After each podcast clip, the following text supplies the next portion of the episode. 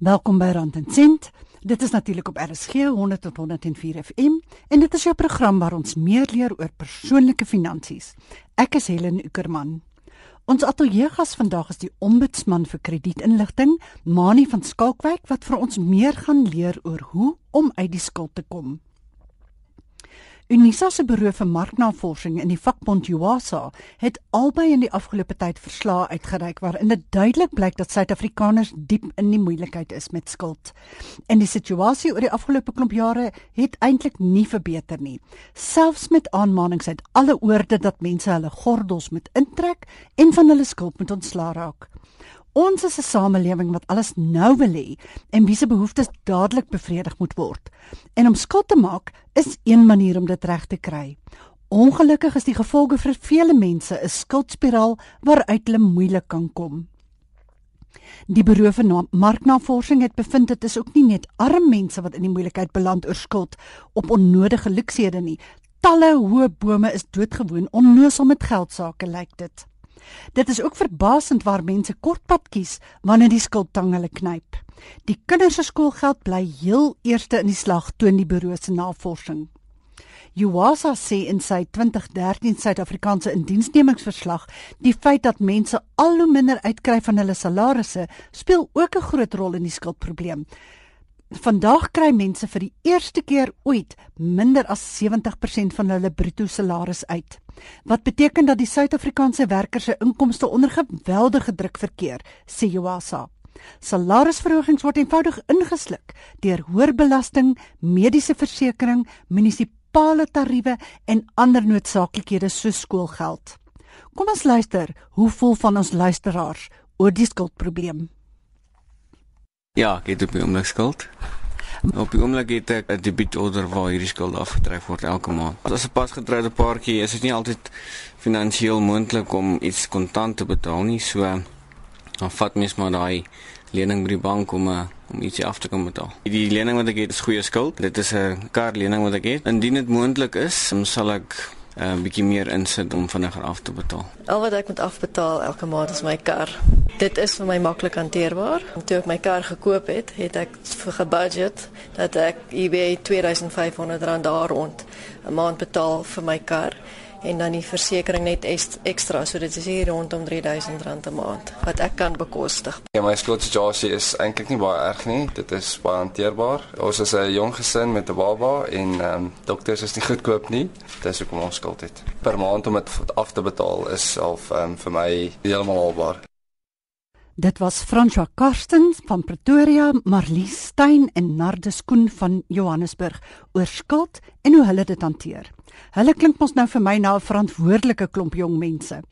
As jy nou pas ingeskakel het, jy luister na Rand en Sent met Helen en ons gesels telefonies met Mani van Skalkwyk, ombudsman vir kredietinligting oor skuld en hoe om uit die knyptang te kom. Maar eers gaan ons luister na vandag se drama. Astrid pak die bil by die horings voor ons met Mani praat oor hoe ons die skuldmonster kan vasvat.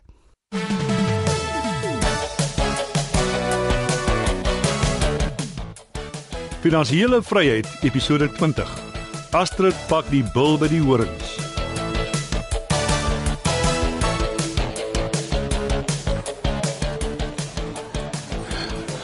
Ja hey man, ek kan nie 100 rand bekostig nie. Die ding is aan tweedehands. Ou kom nou Jacques, help my uit. Ek wil graag 'n bietjie my vrou bederf. OK, hoeveel kan jy bekostig? O, 30 rand. Goed so. Wat? Verkoop jy my mooi handsak vir 30 rand? Belaglik, gee dit hierso. Dit het my 'n fortuin gekos. Dit is egte leer. Astrid, jy kan nie elke keer as ons iets wil verkoop, daaroor stry nie. Wil jy jou kar terug hê of nie? Ja, maar hierdie is daylight robbery. Skat, jy sal sien hierdie is 'n goeie plan. Ek het al reeds R2000 gemaak. 2000 rand? Ja. Uh, jy kan die handsak kry vir 50 rand, Louis. Niks minder nie. Nou goed, uh, uh, Jacques, uh, kan ek by jou 20 rand lê? Glad nie. Jy skuld my nog steeds 500 rand. Jy kan my later die ander 20 rand gee. Nee, dankie, dankie Astrid. my vrou gaan so bly wees as sy die persentjie van my kry. Esther, hoeveel het jy al verkoop? Ek is nou by uh 450 rand. O, magties, hierdie is amper meer pret as om te dobbel en dit voel of 'n groot las aan my skouers afkom. Ek het nog nooit so baie handsakke en skoene gesien nie. Dit het skaars in my kar gepas. Julle het nogal snaaks gelyk vanoggend so ingeprop tussen al die skoene. Astrid, jy moet regtig 'n begroting opstel vir elke maand. Dit lyk vir my of jy net koop en koop. Al kan jy dit nie bekostig nie. 'n Vrou moet mos goed vertoon, Jacques. Dit is beter om 'n vrou te wees met 'n gesonde finansiële posisie as een met 'n paar hoë skoene wat sy skaars kan bekostig. Wel, as jy dit nou so stel. Astrid, ek het nou net een van jou handsakke vir R1000 verkoop. Die twee vrouens het so daaroor gestry dat ek toe hulle teen mekaar afspeel. Ek dink ek het dalk 'n toekoms as 'n afslaer. So talentvol my skat. Jacques, hou op liefdeswoordjies in haar oor fluister en fokus op jou taak. Wat is my taak? Jy moet hy goed voor jou verkoop. En nie teen afslag nie. Leer iets by Beverly en kyk of jy dit nie vir 'n bietjie meer kan verkoop nie. Maak jy dit nou 'n kompetisie, Astrid? Lyk my so. Die een wat die meeste geld vir my insamel, stiek ek vir 'n drankie na werk. Dink jy dit is 'n verkeerde ding om te doen nie? Jy probeer geld maak en die eerste ding wat jy doen is spandeer weer die geld op nonsens. Seker, maar ek dink dis 'n klein prys om te betaal vir al die moeite wat my vriende doen. Solank as dat jy meer geld maak as wat jy uitgee. Ek stem saam met Jacques. Ons kan nie verwag dat jy vir ons drankies betaal nie. Maar dit beteken nie ons kan nie almal vir 'n lekker drankie gaan nie. Ons betaal net vir onsself. O, o, o, o, maar ek sal ongelukkig nie kan gaan nie. Vandat hulle vir Jurg afgedank het, is daar nie geld vir sulke goedjies nie. Dit is hoekom daar kredietkaarte is, Kattie, sodat mens elke nou en dan net 'n bietjie kan ontspan en saam met jou vriende kuier. Astrid, ek gee op. Gaan jy ooit besef dat dit van al jou lekker hier en lekker daar is dat jy so diep in die skuld is? OK, Jacques, jy wen. Dit gaan nie oor ek wat wil wen nie, Astrid. Jacques probeer jou net help. Ek weet. Dis nogals erg as ek kyk na al my handsakke en skoene wat amper 'n hele kantien vol lê.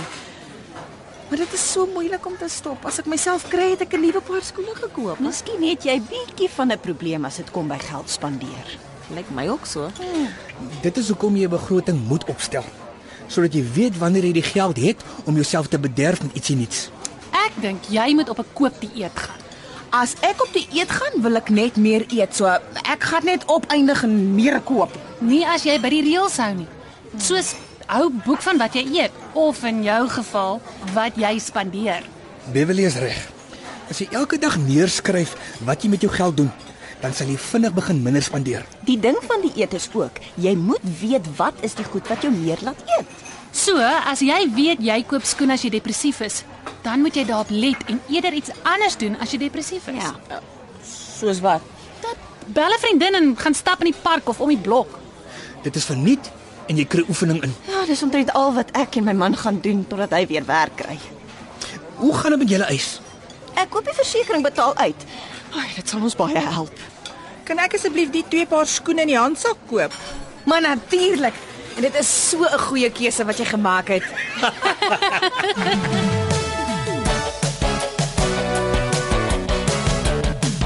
Finansiële vryheid is 'n verbruikersopvoedingsprojek en word aangebied deur die lede van SAIA.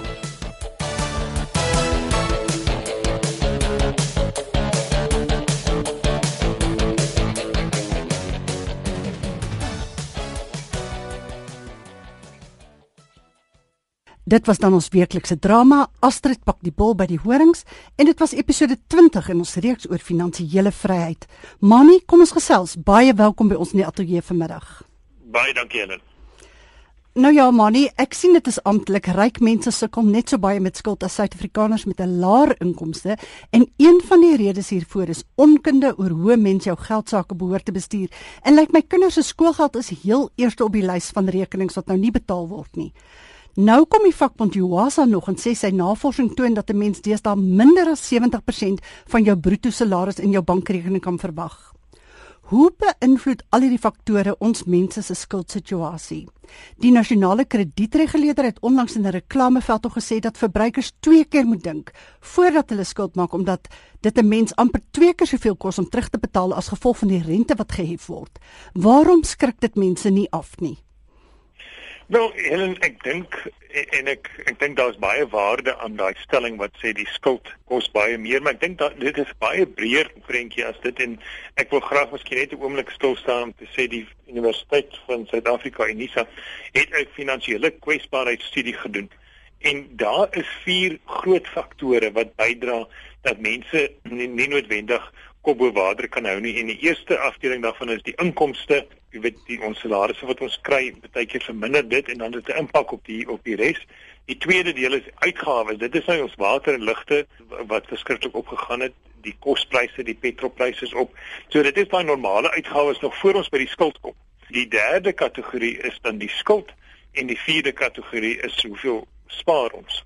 So mense moet half daai vier faktore in 'n geheel sien en die skuldfaktor daarvan uh nie, nie noodwendig isoleer nie want jy weet ons nou dieselfde skuld gehad het as 5 jaar terug en ons het ook nou dieselfde inkomste en ons uitgawes het opgegaan jy weet dan het dan die skuld nie noodwendig die bok hier nie maar maar die uitgawes so ons moet net half daai goed in gedagte hou Die persentasie van inkomste wat die gemiddelde Suid-Afrikaner aan skuld afbetaal, sien ek dit is in die omgewing van amper 80 sent uit elke rand. Dit beteken dan dat slegs 20 sent in elke rand oorbly om ander kostes te dek. Ja. Wat sê jy daarvan? Ja, ek dink dit is hoog, jy weet en ek dink dit is van die hoogste wat ons nog gehad het. Ek dink weer eens moet mense dit goed in perspektief sien en ek sê nie dat dit reg is nie, maar in Kanada staan dit op 164%. Jy weet in in, in die Verenigde State staan dit so 110%. Dit is definitief nie waartoe ons wil gaan nie, maar in die perspektief gesien is dit nie so hoog nie, maar ek dink dit is te hoog vir as ons na die groeikoerse kyk wat ons wil bereik. Ons finansiële en risikokenner vandag in die Rand en Sent Atelier is Mani van Skalkwyk, ombudsman vir kredietinligting en ons praat oor skuld en hoe om dit net om te draai. Mani, dit is dus duidelik dat Suid-Afrikaners 'n plan moet begin maak om uit die skuld te kom sodat hulle weer kan asemhaal en nie meer in die nag hoef tande te kners oor die druk wat op hulle geplaas word deur onbetaalde rekenings nie. Hoe kan 'n mens begin maak? Weet jy, ek dink daar's definitief 'n paar goed wat ons kan doen en ek dink mense moet eersins begin om jou skuld te ontleed. En ek vir al daai vier kategorieë wat ek nou van gepraat het, dink ons moet ons inkomste ontleed en kyk daar maniere om ekstra inkomste te maak. So so dit moet ons eerste ontleding wees. Nou moet ons kyk na ons uitgawes, ons skuld en die besparings wat ons moet doen. So daai vier kategorieë moet ons definitief ontleed en verstaan. Weet jy dan vir julle ding wat sê as jy dit nie kan meet nie, dan kan jy dit nie bestuur nie. Dan dink ek moet ons uit daai vier kategorieë definitief na die skuld kyk want dit is waar ons self die meeste bydra kan lewe. Weet ons kan nie vreeslik baie doen as die petrolpryse opgaan nie. Ons kan nie vreeslik baie doen as die kospryse opgaan nie want ons moet eet en ons moet ry. Maar ons kan wel iets aan ons skuld doen. So ek dink die skuld verder moet ontleed word. Ek dink ons moet kyk na skuld wat duur is. As jy iets op jou kredietkaart wil koop en jy kan nie die volle bedrag afbetaal nie, moet jy miskien maar twee keer dink en sit daai kredietkaart maar eerder net in die kas as daar noodgevalle opduik of as jy in die posisie is om met elke maand in volle te betaal. Verbruikers moet 'n maandelikse begroting opstel en mens moet kyk waartoe gaan jou skuld. Mens gaan eet hier en daar en dan vergeet jy van die kostes wat daarin gaan. En ek dink mense moet net daai begroting opstel en ontleed waartoe gaan jou geld. Want as jy dit weet, dan kan jy iets daaromtrent doen. Dan dink ek moet mens jou huurskuld eers te betaal. Dis 'n dis baie goeie raad in die sin van kredietkaarte is gewoonlik jou huurskuld, jou korttermynlenings is gewoonlik huurskuld. Vat geld en betaal daai huurskuld eerstens af en dan so soos daai geld nou loskom, dan begin mens net weer fokus bietjie op die op die goedkoper skuld. Maar jou kredietkaarte en korttermynlenings definitief die bokke daar wat wat mens moet oorweeg. Dan as jy kan om miskien daai huurskuld konsolideer dit miskien met 'n lening waar daar 'n goedkope rentekoerse is. Ek dink mense kan ook kyk na jou verband en kyk of jy dit kan gebruik om daai huurskuld af te los, maar as jy nou 20 jaar gaan vat om daai skuld nou weer te betaal, dan is die rente wat jy oor die 20 jaar gaan betaal nou veel meer. As jy dit op 'n korter termyn kan afbetaal, gebruik dan jou verbandgeld. Jy luister na RSG 100 tot 104 FM. Mani van Skalkwyk, ombudsman vir kredietinligting, praat telefonies met ons hier op Rand en Sent en ons bespreek skuld en hoe jy daarvan ontslae kan raak. Mani, jy het nou nog gesê ons moet begroot. Hoe doen 'n mens dit? Weet jy, daar is 'n dis 'n fyn tegniek, wat ek dink mens moet eersins gaan sit en sê wat kos dit vir jou om te leef en dan na jou skuldsituasie te kyk. So jy sit na, na jou huidige posisie kyk en dan moet jy sê fyn, maar mens moet dit verander waaraan moet jy die geld spandeer? En dan is daar twee vrae wat ek gewoonlik vra en is het ek nou regtig hierdie klere nodig of die skoene nodig of kan dit maar 'n bietjie wag? So mense moet die na die noodsaaklikheid van produkte kyk of die dienste kyk en kyk wat se waarde dit aanheg. En indien jy dan op die antwoord kom dat jy regtig nie sonder kan klaarkom nie, dan moet jy dit in die begroting insit.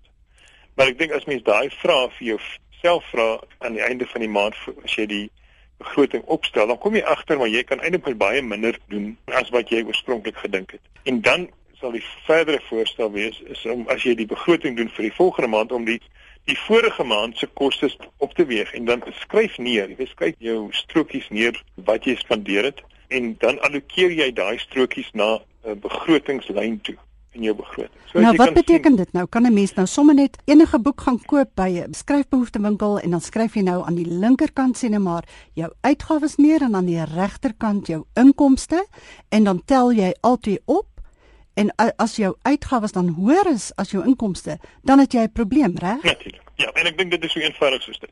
Dit is nie kompliseerd nie, dit is een dit is eenvoudig soos wat jy dit uiteen. Ja, want baie mense dink om te begroot is 'n geweldige pyn en dit vat baie tyd, maar ek dink as jy eers aan die gang is, dan raak dit half 'n gewoonte en dan neem dit glad nie meer so baie tyd in beslag nie. Dis maar en ek dink mense moet dit ehm um, jy weet ek sal altyd voorstel vir ouers en doen dit met jou kinders. Jy weet laat hulle deel wees van hierdie proses dat die kinders kan agterkom waartoe word geld geallokeer en hoeveel dit kos om hierdie goed te hê wat mens graag wil hê. Sodat ek dink dit hulle in die gewoonte kan kom.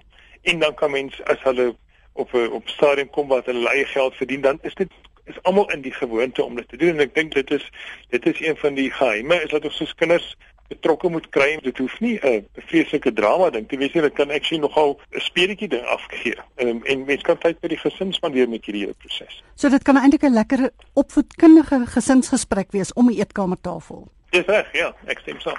Nou Moni, nou is jy nou in die moeilikheid en jy het nou gesien hoeveel skuld jy het en wat jou inkomste is en jy het nou gekyk hoe kan jy dit nou afbetaal, maar nou kan jy nie almal te gelyk afbetaal nie. Jy het nou 'n probleem kan jy jou ooreenkoms aangaan met jou krediteure? Ehm um, ek dink dit is baie belangrik. Jy weet ek eh, die, die groot probleem is baie keer dat ons dink as ons nou hierdie rooi koeverte wat hier aankom in die pos ignoreer, dan gaan die probleem begin en dit is een van die grootste probleme. Ons moet onmiddellik daai posisie konfronteer. Skakel jou kredietgewer en maak 'n plan. Ek dink die kredietgewer is in die besigheid gewoonlik om sy geld terug te kry. So, soos daar 'n kommunikasielyn is met die kredietgewers, dan maak dit dit vir almal makliker. En dan sal ek voorstel is dat indien daar nou ooreenkomste bereik is met die eh, krediteure, skryf vir hulle en bevestig hierdie reëlings. Of maak seker jy skryf neer met wie jy gepraat en watter datum en tyd en vra op word die oproep uh, opgeneem sodat indien jy weer verder daarna moet verwys dat dit makliker is om daai verwysing te doen. Met ander woorde jy moet seker maak dit is iewers op skrif of opgeneem en jy het 'n verwysingsnommer sodat hulle dadelik weet wie jy is as jy met hulle praat. Dis reg. Almal werk op die einde van die dag met call centers en dit raak 'n probleem om dit sê maar ek het nou met XYZ gepraat en ons het hierdie ooreenkoms ge gekry. Uh, dit raak dit baie moeilik. So maak seker dat die kommunikasie tussen jou en die kredietgewer is baie duidelik en probeer dit op skrift kry. En dan is daar natuurlik sommer 'n hele klomp stres van 'n mens af oor hierdie skuld wat jy nie kan betaal nie. Ja, ja, so is mens nou stadig maar seker hierdie berg uitklim en jy maak 'n impak. Onmiddellik begin jy beter voel oor die situasie. Jy luister na Rand en Sent op RSG met Helen en ons finansiële en risikokenner vandag in die ateljee is Mani van Skalkwyk, ombudsman vir kredietinligting. Ons praat oor skuld en hoe jy kan ophou om in die nag tande te kners daaroor. Nou manie, as jy nou al 'n bietjie skuld afbetaal het, dan moet jy probeer om die fokus te verskuif na jou motor, jou huis en jou spaarrekening. Met ander woorde dat jy nou nie net daai geld wat jy nou beskikbaar het net weer begin uitgee nie. Ja, dit sal nou 'n groot probleem wees en die wonderlike ding daarvan as jy 'n paar rand 'n maand ekstra op jou huisverband betaal, dan maak dit 'n ongelooflike impak op die groter prentjie in terme van die rente wat jy betaal. As dit nou suksesvol was om van die duurskuld ontslae te raak en die kredietkaart en korttermyn lenings, is die goedkoper skuld omdat dit gewoonlik oor 'n langer termyn is. As jy van die kapitaal begin delg daar, dan het dit 'n ongelooflike impak op die rente wat jy betaal. So ek sal definitief voorstel gebruik nou daardie ekstra geld en betaal op die die huisverband af. En dit skep ook dan nou vir jou 'n bietjie van 'n neseier dat indien jy verband ekstra afbetaal, dan kan jy dit later as daar 'n noodgeval opduik, weer toegang kry tot daai geld en dit is nou glad nie die duur geld nie. So dit dit maak meer sin om dan daai geld wat in die verband nou lê te gebruik. Maar natuurlik met nodige dissipline voor oë dat jy nou nie oor 20 jaar nog steeds dieselfde bedrag op jou huis skuld nie. ja, ja, dit sal nog glad nie werk. Mens moet die dissipline aan die dag lê om te sê het ek regtig die skuld nodig? Ek dink iemand het 'n voorbeeld gebruik wat sê as iets 2.500 rand uh, gemerk is, gaan jy regtig nou sê ek wil 7.000 rand daarvoor betaal.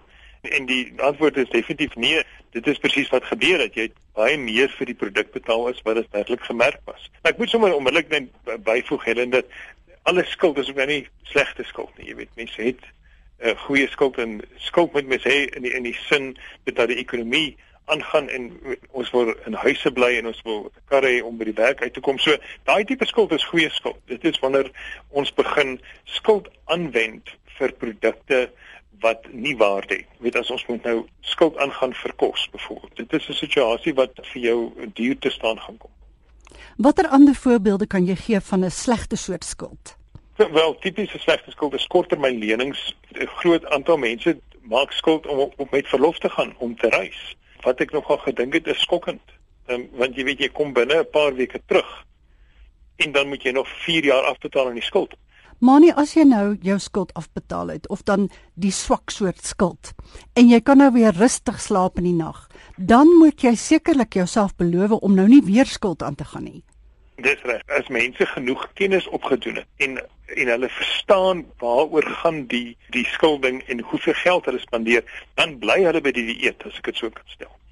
Maar ehm um, as mense gekom het en sê, weet jy, kom sorteer net ons probleem vinnig uit asseblief en dan gaan hulle aan, hulle hulle val nou weer terug van die dieet af, weer in die skuld in. Die verbruiker moet meer inligting kry en hom self bevredig dat hy dit goed verstaan en dan en bly dan op die dieet. So jy sê mense moet hulle self opvoed oor hulle persoonlike finansies. Dis reg. As ons as verbruikers nie daai moeite gaan doen om uit te vind en uit te vind van jou kredietrekord en uit te vind van al die goed wat daarmee saamgaan. Wie gaan dit vir jou doen? Ons moet totaal uh, ek sukkel om die woorde vir my empowered wees om om hierdie stappe te doen en uit te vind net in kort in terme van ons kredietinligting as ons nie verstaan wat op ons kredietrekord aangaan nie. Dit het 'n groot impak. Banke sal jou kredietrekord gebruik byvoorbeeld om te besluit hoeveel rente jy moet betaal. So en as hulle nou 'n verkeerde besluit neem op inligting wat nie op jou kredietrekord moet wees nie, dit sal vir jou oor baie jare 'n klomp geld kos in terme van meer rente wat jy betaal. Ja. So ek sal my raad aan mense sal wees, vind uit wat op jou kredietrekord is. Bel 'n kredietburo, jy kry een kredietrekord gratis 'n jaar en vind uit wat daarop is en as jy nie daarmee saamstem nie debatteer en en maak 'n dispuut aanhandig. Moni, waar kan mense meer uitvind oor persoonlike finansies? Waar kan hulle gaan om meer te leer? Ja, ek dink daar's verskeie instansies wat wat definitief raad gee. Ek kan nou sê die kredietreguleerder, ons kantoor, die verskillende versekeringsmaatskappye, die SAHIA, daar's verskillende organisasies wat wel 'n definitiewe rol speel as jy meer inligting soek jy kan na ons kantore toe kom jy weet die, die kredietombudsman gee advies in terme van dispute en ek weet jy sê ons ons dienste is gratis aan die publiek. Waar as mense dispute het oor krediet of oor hulle kredietrekord dan kom hulle na ons toe en ons ons kyk daarna en ons maak 'n besluit wat bindend is op die kredietgewer en die kredietburo. Waar kan mense julle in die hande kry maar nie het julle 'n webwerf of 'n telefoonnommer? ja, Ons het 'n webwerf op uh, www.creditombud uh, en die ombud is ombud.org.za en ons telefoonnommer is 0861 662837 en dan het ons ook gesentraliseerde telefoonnommer vir vir alle ombudsmanne. So as jy 'n dispuut het in die finansiële lyn en jy nie heeltemal seker is wie om te skakel nie, skakel hierdie nommer en hulle sal jou verwys na die regte ombudsman. Hulle kan jou sommer direk deursit. Die nommer is 0860 66 2837. Manie, jy's nie lus om net gou julle webwerf te herhaal nie? Goed, ons webwerf is www.creditombud.org.za. Nou ja, dit was dan Manie van Skalkwyk, ombudsman vir kredietinligting wat vir ons uitstekende raad gegee het oor hoe om daardie skuldmonster te verjaag. Lyk my dit verg hare op die tande, maar dit kan gedoen word as jy vasberade is. Bel gerus die Sahia oproepsentrum in kantoorure by 083 913 3003 as jy verdere inligting verlang. Dit is 083 913 3003. Baie dankie Mani vir jou tyd vanmiddag. Goed, baie dankie.